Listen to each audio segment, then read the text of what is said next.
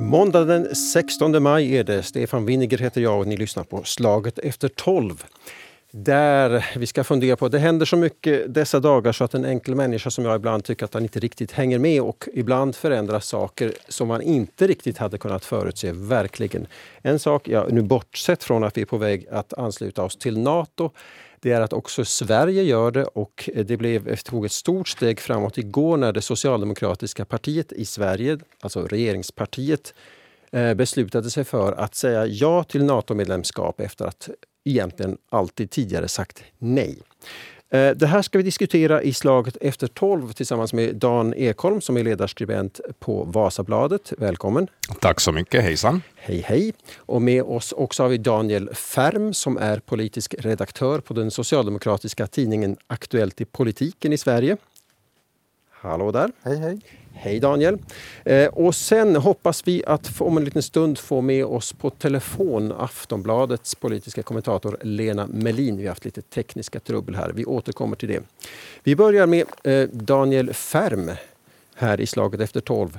Eh, ja, jag, jag, hade, om någon hade sagt till mig tidigare att Socialdemokraterna i Sverige tänker säga ja till Nato så hade jag tyckt att har du druckit någonting eller gjort? Hur stor skulle du säga är den här omsvängningen? Ja, men det är ett eh, historiskt besked som eh, kom igår när eh, Socialdemokraternas partistyrelse fattade beslut om att förorda ett ja till svenskt NATO-medlemskap. Eh, Allians, den militära alliansfriheten har ju varit en central del av svenska Socialdemokraternas utrikes och säkerhetspolitik i årtionden. Eh, det går ju faktiskt tillbaka över 200 år inte för att Socialdemokraterna har suttit vid makten i 200 år, men, men väldigt länge. Eh, så det är väldigt stort. Men det är inte helt ologiskt, för svenska Socialdemokraterna har alltid eh, förhållit sig till och eh, gjort analyser när verkligheten har förändrats. Och efter den 24 februari, Putin-Rysslands angrepp på Ukraina, så har hela den europeiska säkerhetsordningen förändrats och därmed också Sveriges och Finlands eh, säkerhetsläge. Mm. Det, ja, och Dan Ekholm, du som också är ledarskribent på eh, Vasabladet men som tidigare Stockholmskorrespondent, också bland annat för YLE. Det här, vad säger du? Vad tänker du? Sveriges, inte bara Sverige, och, eller framförallt regeringspartiet Socialdemokraterna ändrar sig historiskt.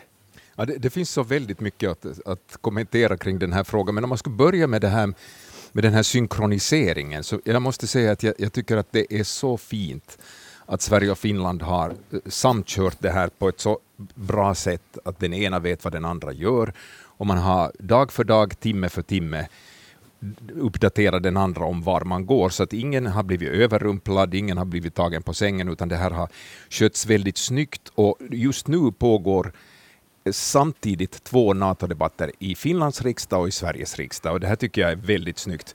Eh, Finlands debatt började en och en halv timme tidigare medan medan den svenska debatten började för 37 minuter sedan. Men, men jag tycker att det, det, är väldigt fint att man har kunnat koordinera det här på det här sättet, för det, vi, vi, är beroende av varandra och det finns en ödesgemenskap och det betonar också statsminister Magdalena, Magdalena Andersson när hon eh, hade sitt anförande här för en stund sedan.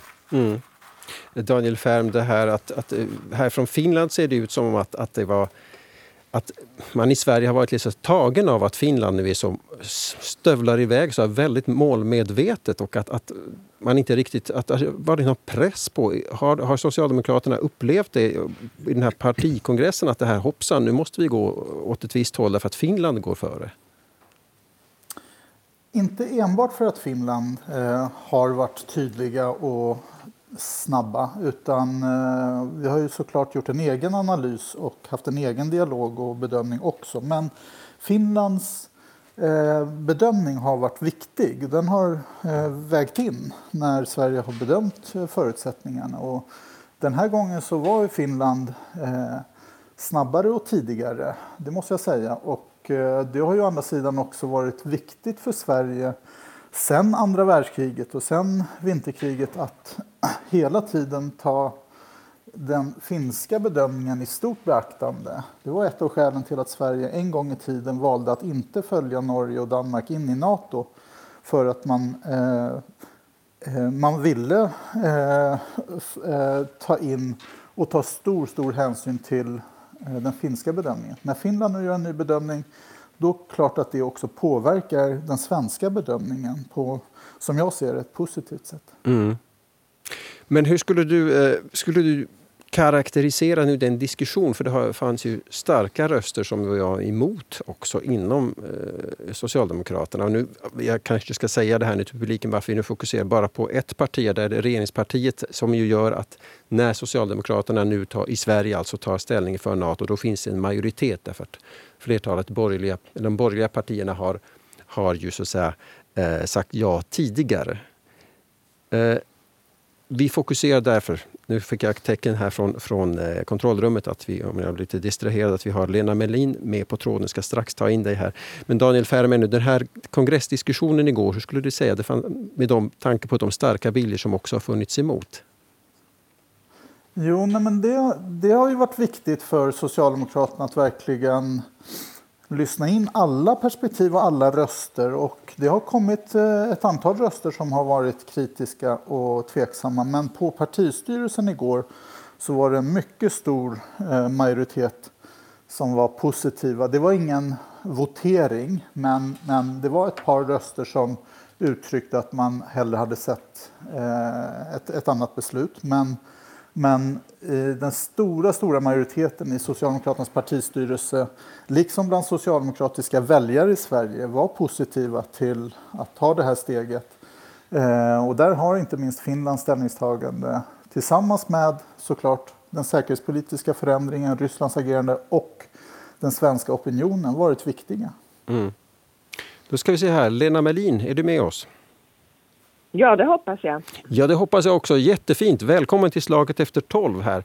Där vi har redan talat Tack några minuter här med eh, Dan Ekholm och Daniel Färm här. Ställer jag frågan till dig, Lena Melin. Du är en mångårig iakttagare av svensk politik och du är politisk kommentator på, på det oberoende socialdemokratiska... Nu försvann ljudet. Försvann ljudet. Hör du mig nu? Nu ska vi se här, det här med telefonförbindelserna över Östersjön verkar vara si och så. Nu hör jag ingenting. Ja. Nu hör jag igen. Nu hör du igen då, då hoppar, tar vi om det här. Det var lite störningar på linjen här. Mm. Du, eh, Lena Melin, jag presenterade just alltså eh, politisk kommentator på Aftonbladet eh, som är oberoende socialdemokratisk tidning i Sverige. Mångårig, på ledarplats. På ledarplats. Eh, vad heter det? Ditt intryck, vad säger du här, den här omsvängningen som, som Socialdemokraterna gör här, började vi prata om just här. Hur, hur ser du på den? Ja, alltså, man, man, kan ju säga att det, det, har gått väldigt fort på slutet men å andra sidan så har ju Sverige steg för steg närmat sig, eller tillsammans med Finland, närmat sig Nato i närmare 30 års tid. Så att, eh, någon gång så kommer man ju så nära så det finns ingen anledning att låta bli att vara medlem och jag antar att detta ögonblick eh, uppstod i samband med den ryska invasionen av Ukraina. Mm. Men nu tänker jag så här med tanke på hur, hur, hur det har låtit i, i socialdemokratiska kretsar och från, från de grupper som ju alltid har varit emot, från Fredsvänner, Kvinnoförbundet. Eh, vad heter Broderskapen har bytt, bytt namn här sen jag var bevakade svensk politik sist. Just så heter de nu för tiden. Jag menar, hur, de finns ju kvar fortfarande. Har de också varit så här pragmatiskt säga jo, jo, det har pågått en lång tid, närmande och nu, nu är det helt enkelt dags att ge upp det där? Eller hur skulle ni säga? Nej, men det var, om jag förstod det rätt så alla så kallade sidoorganisationer var emot det här beslutet. Alltså ungdomsförbundet, studentförbundet, ehm, de eh, troende och eh, kvinnoförbundet. Men, eh, men den här, alltså så här, den här väldigt stolta traditionen av av agitation mot kärnvapen och för nedrustning. Det kanske Socialdemokraterna har lämnat lite bakom sig. Det är inte, det är inte samma glöd i den frågan nu som det var för ja, 40 år sedan. Mm. På Olof Palmes tid alltså?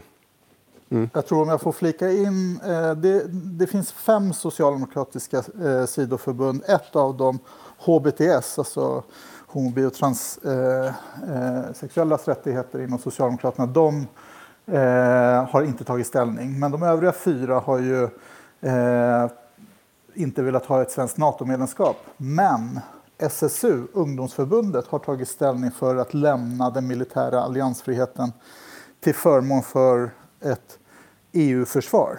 Att Sverige skulle eh, lämna den militära alliansfriheten och delta i utvecklandet av en europeisk gemensam utrikes och säkerhetspolitik. Så de har ändå tagit ett steg i riktning, även om de inte förordar ett NATO-medlemskap. just. Mm. Men nu då när det gällde, när det kom till kritan här och partistyrelsen möttes, då var det alltså, då, då var det helt enkelt att distrikten ändå röstade fram en, en kursändring tydligt. Nu får vi har den historieskrivningen klart för oss.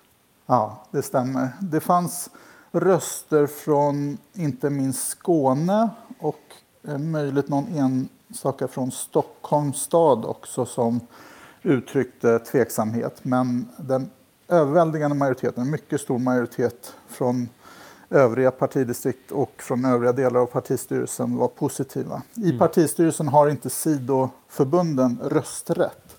Eh, men de har ju eh, yttranderätt och de har väl uttalat att de är fortsatt kritiska men eh, accepterar väl eh, det här beslutet eh, nu när det är fattat. Mm.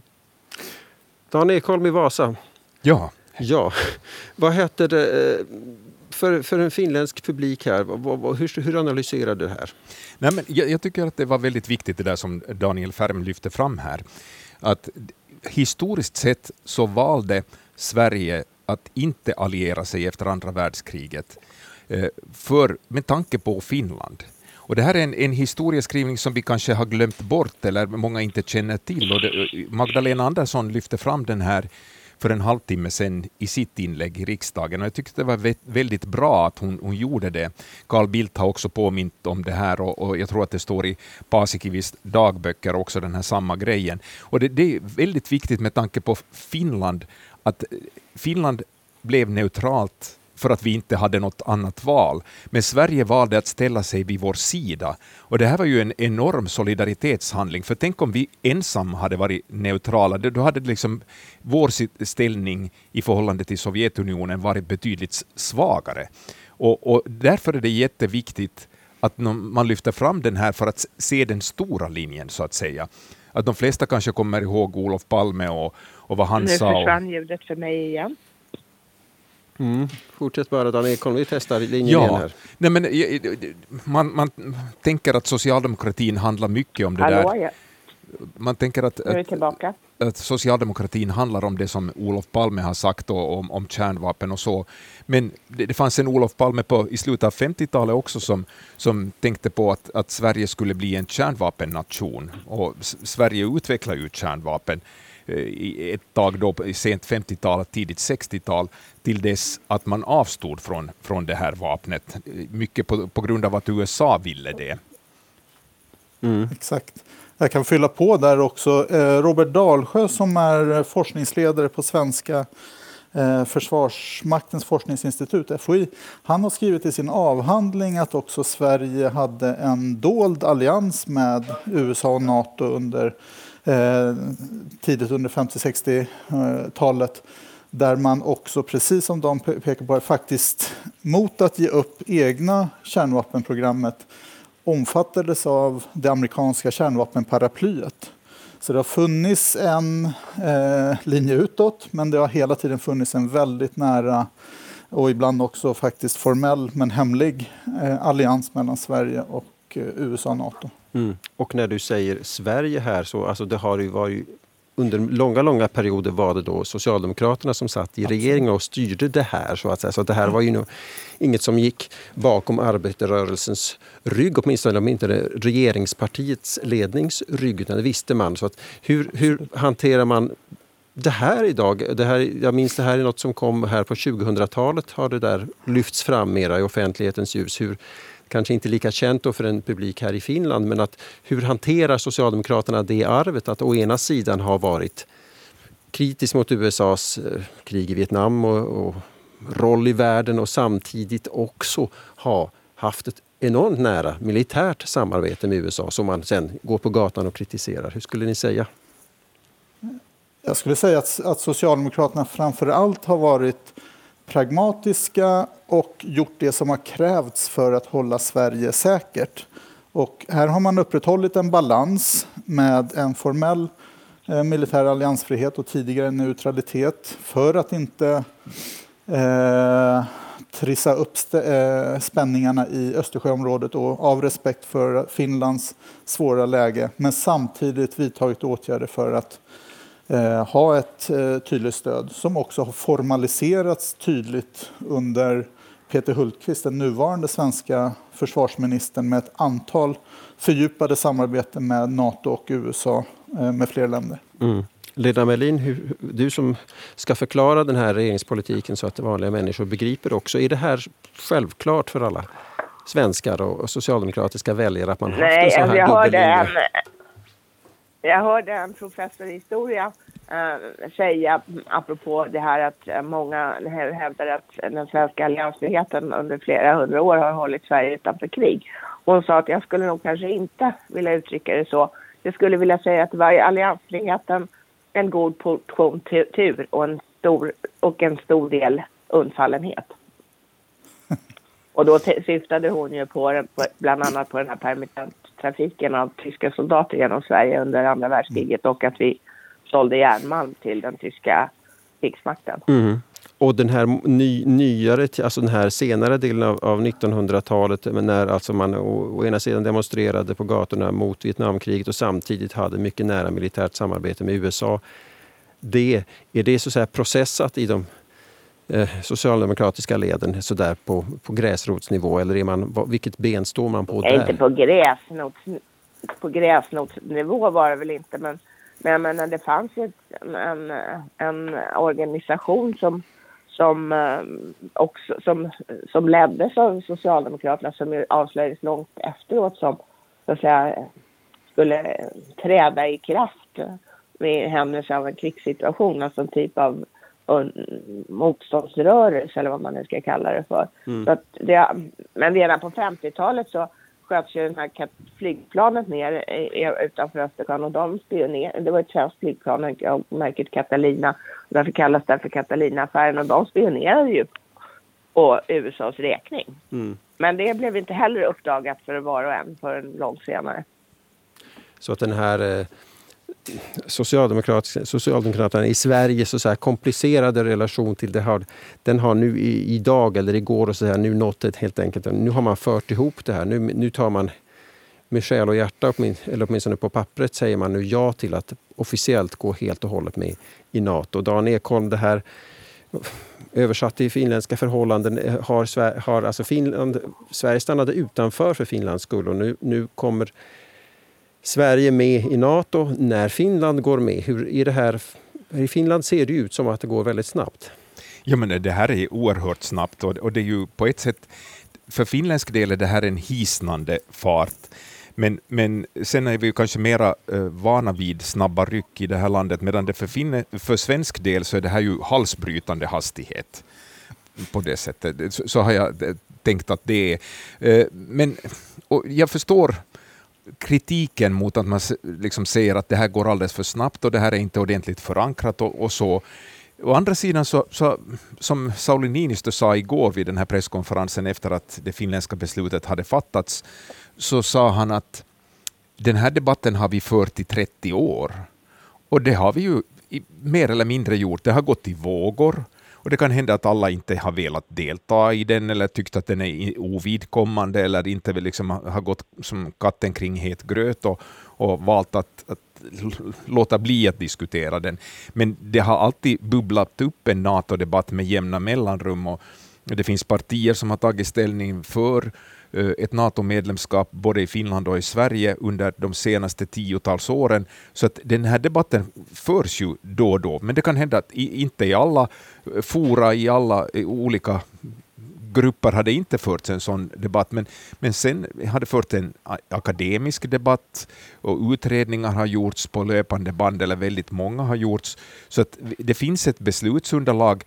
Så att eh, det, det handlar om en sån här mental omställning nu som, som Eh, en del liksom tar till sig på grund av det som har skett, medan andra tycker att det är väldigt besvärligt. Och det, det kan jag ha respekt för också. Jag, jag, förstår det, men nu är det så att vi inte styr över de yttre omständigheterna, utan vi får liksom anpassa oss och finna oss i det här läget.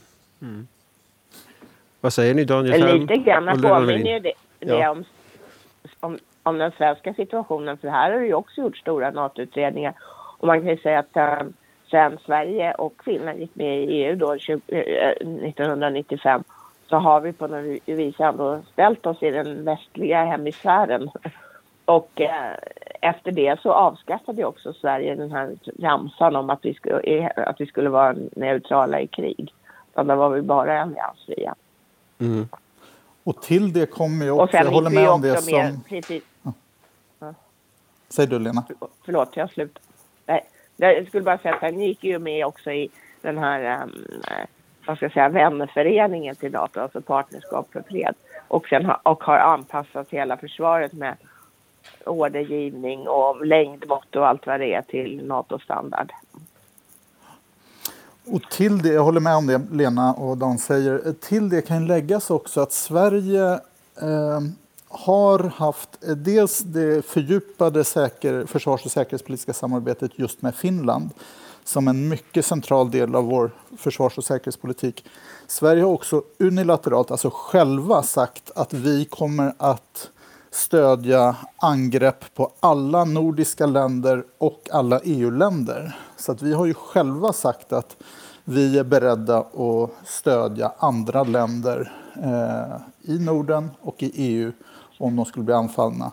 Men det har varit en ensidig proklamation. Det är ju, att gå med i Nato innebär ju att man också har en ömsesidiga löften och att man ingår i den gemensamma operativa försvarsplaneringen och gemensamma kommandostrukturen och så vidare. Men vi har ju övat tillsammans med Nato länge, både mm. Sverige och Finland.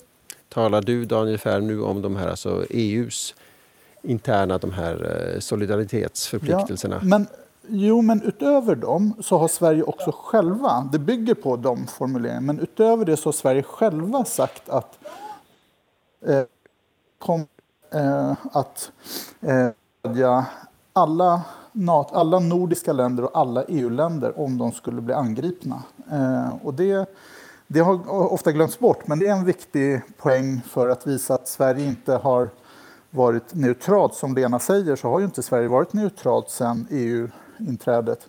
Men vi har också tagit det ytterligare steg efter, efter inte minst efter Krim 2014, eh, så, så har Sverige sagt att Eh, nu är vi beredda att stötta andra länder. Eh, nu tar man det ytterligare ett steg genom att också vilja gå med i Nato tillsammans med, med Finland. Mm. Och så det som, som Lena sa här, så den här interoperabiliteten som det heter på fackspråk, det vill säga att man eh, har en, en hög beredskap att samverka tillsammans rent tekniskt. Så den, den har ju liksom pågått, den här anpassningen till NATO-standarden, ända sedan eh, ja, mitten eller sent 90-tal. Jag kommer ihåg att jag har rapporterat om det här någon gång 96 tror jag, eh, när, när det var nytt och, och, och en väldigt ny idé att man skulle anpassa sig tekniskt till NATO. Och Det betyder ju att, att man, har, man har ställt sig så nära man kan eh, ett NATO-medlemskap för den situation som vi nu är, är, upplever.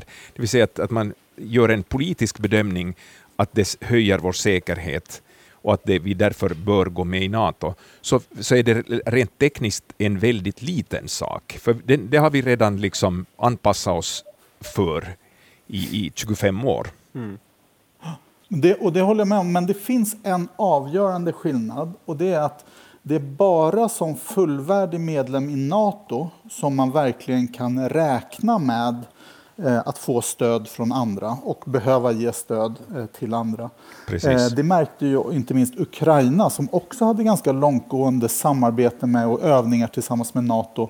Men när det väl blev skarpt läge och Ryssland hotade med kärnvapenkrig om någon skulle lägga sig i då, då kunde inte eh, USA eller NATO-länderna eh, gå in och stödja Ukraina med trupp på marken. Så då har man fått stödja via sanktioner och skicka materiell och annat.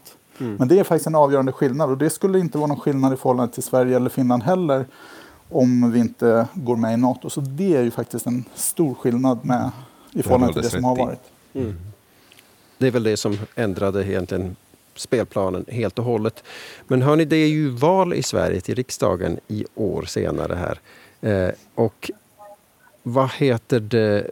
Hur viktigt var det för regeringspartiet Socialdemokraterna att få undan det här före valet? Vad hade det betytt att gå in med en öppen NATO-diskussion i ett riksdagsval? Vad säger Lena Melin? Nej, men jag tror att, att, eh, jag tror att alla tycker nog egentligen i grund och botten att det är jättebra att det inte blev en valfråga. Därför att val har ju en tendens att, att göra partier till någon överbudsmaskiner. Och vad nu det hade betytt för NATO-debatten, det vet jag inte. Men, men jag tror inte att det hade gagnat en seriös debatt i alla fall. Så jag tror att det är lika bra att den här frågan så att säga, kan läggas till handlingarna under, eh, inte kanske helt och hållet, men i, i de avgörande delarna i alla fall under valrörelsen. Mm. Det kommer inte figurera så att säga, förresten sa vi där i maj att vi ska gå med i NATO. Det är ingen som kommer ta upp det tror du? Nej, alltså det vet man ju inte för nu går ju allting så ultrafort så det kanske har dykt upp någonting nytt som vi nu inte kan förutse. Men jag tror inte att med det vi känner till nu så har jag svårt att se att det här skulle bli någon särskilt stor valfråga. Mm. Utan, um, jag tror tvärtom att den blir ganska liten. Men eh, jag skulle vilja hoppa lite tillbaka till den här diskussionen vi hade innan. För det är ju så otroligt viktigt för Sverige att uh, följa Finland i den här frågan och det beror ju på att Eh, Eh, om man tittar på kartan så hade ju Sverige varit en eh, liksom vit limpa mitt i Norden eller mitt eh, och det enda landet runt Östersjön förutom själva Ryssland då som inte hade varit med i NATO om vi inte hade gjort som Finland. Och det där var, det, det är um, nog så viktigt för att därför att förutom att det hade inte varit något bra i största allmänhet antagligen så hade det ju ställt Gotland för väldiga påfrestningar som ju hade vars strategiska position hade ju ökat väldigt kraftigt. Alltså där, från därifrån kan man ju då, eller skulle Ryssland kunna eh, slå mot, mot eh, ja, framförallt mot Sverige. Ja, det, här, det här är, tycker jag är oerhört viktigt det du lyfter fram nu Lena, för att mm. det, i början när man följde den svenska debatten så var det som om, om NATO eh, skulle ställas mot ett status quo. Att, att, det vill säga att vi har, vi, man vet vad man har, men man vet inte vad man får. var, var liksom utgångspunkten i mycket av den svenska politiska debatten angående NATO. Och, och, och, och, det var liksom, NATO var det stora okända farliga på något sätt. Att det, det, NATO kunde, liksom det kunde rubba någonting som, som vi har haft i 200 år. Medan, medan liksom diskussionen i Finland var så här, efter den 24 februari så är allting nytt och det finns inget status quo. Så att om vi ska välja att stå utanför NATO så är det också ett beslut. Det är ingenting som per automatik fortsätter, utan det, det, är, liksom, det är också ett val. Och nu, nu i, i och med att diskussionen i Sverige har, har liksom gått vidare så, så inser man också eller talar man, lyfter man också fram de här hoten, som till exempel Gotland. Och det är ju, Gotland är en oerhört viktig fråga, inte bara för Sverige utan också för Finland.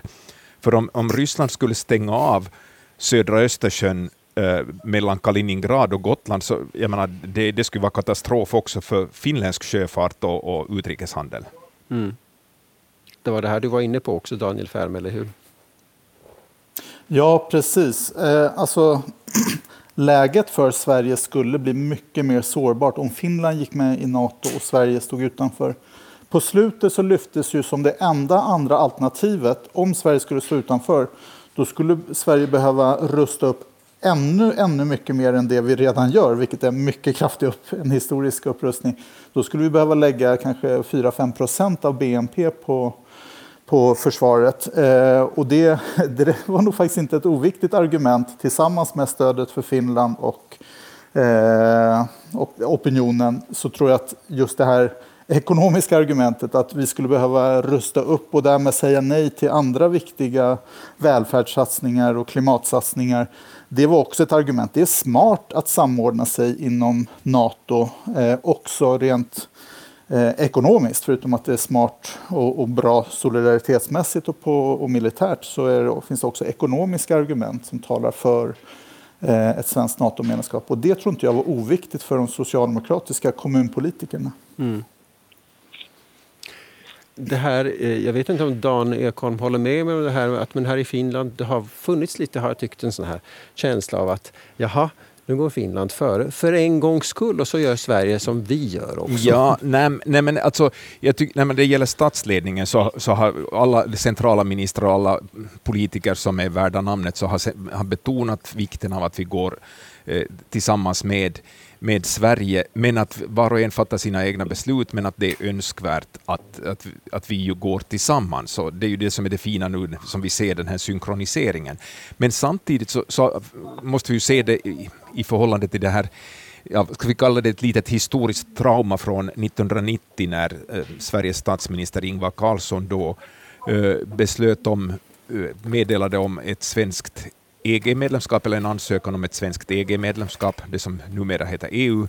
Och eh, president Mauno Koivisto upplevde då att han inte hade blivit ordentligt informerad eh, på förhand. Sen, sen får historikerna gräla lite om om det var så att, att eh, Ingvar Carlsson, vilket han skriver i sina memoarer, så tänkte jag, att, att han hade informerat, eller hans statssekreterare hade informerat den finländska ambassadören i Stockholm, men, men sen hade budskapet inte gått fram till Helsingfors, eller vad det var. Det, det, vi, vi, märker ju till och med här 2022 att det är problem med telefonlinjerna ibland, så att det, det kan ju hända att det var det år redan 1990.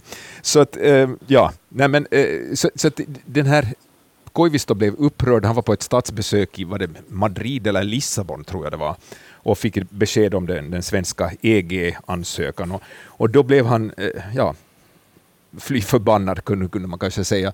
Eh, för han, och, och, då var det liksom den här känslan av att Finland står ensamt där med sin tvättade hals och, och visste inget på förhand och, och så. Och, och, det är ju i, mot bakgrunden av det som man kanske ska se den, den här diskussionen om att, att en del vill slå sig för bröstet och säga att ja, nu går vi för, i, i förväg och så, men, men jag, jag tycker inte att vi, det, det liksom finns anledning till att fästa särskilt mycket uppmärksamhet på det. Och sen om, om Finland, eller om Sverige lämnar in sin ansökan nu en timme före eller en timme efter, eller om det sker liksom simultant på sekunden, så det, det får vara hugget som stucket. Det har ingen betydelse i sammanhanget. Håller ni med? Jag håller med. Jag måste bara säga det att eh, jag tycker att eh, Dan uttrycker det väldigt bra. Det har varit väldigt fint att se och väldigt viktigt att eh, Sverige och Finland har haft en så nära synkronisering. Från det att eh, Finlands eh, president eh, Sauli Niinistö åkte till eh, Biden och de ringde upp Magdalena Andersson från Vita huset till de ömsesidiga besöken som Sanna Marin har gjort i Eh, och, Magdalena har haft, de har haft gemensamma framträdanden och man har synkat processerna på ett väldigt fint och bra sätt. Det har ju visat att Sverige och Finland verkligen har förmåga att gå samlat och att vi har en gemensam bild av både hotet och eh, inriktningen på processen. Eh, så det har varit väldigt fint att se den processen tycker jag. Mm. Lena Melin, ser du det här att Socialdemokraterna i de här båda länderna nu leder Finland och Sverige in i Nato? Hur, vad bäddar det för för framtiden? Ser du någon koppling där? Nej, egentligen inte. Jag... Nej, det är, alltså det är mellan de två partierna menar du? Nej, ja. att de leder, eller i, i det finska fallet leder regeringen och i det svenska fallet är regering.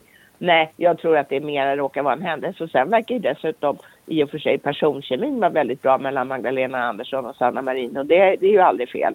Och det gäller även mellan Magdalena Andersson och Niinistö som ju verkar prata i telefon typ två gånger om dagen. Just det. Sådant är läget denna 16 maj 2022 här där vi pratar om Socialdemokraternas vändning i NATO-frågan och vår sändningstid rinner ut här så, så småningom. här. Jag tackar så mycket Lena Melin som är politisk kommentator och ledarskribent på Aftonbladet i Sverige. Tack. Nej, jag är inte ledarskribent. Är du inte det? Nej, bara kommentator? Nej. Nej. Det är ja, inte så bara det. det. Just det. Eh, Daniel Färm, politisk redaktör på socialdemokratiska tidningen Aktuellt i politiken och eh, Dan Ekholm som är ledarskribent däremot på Vasabladet. Jag heter Stefan Winninger. Tack för att ni var med i Slaget efter tolv. Vi hörs igen. Tack. Tack så mycket. Hej då.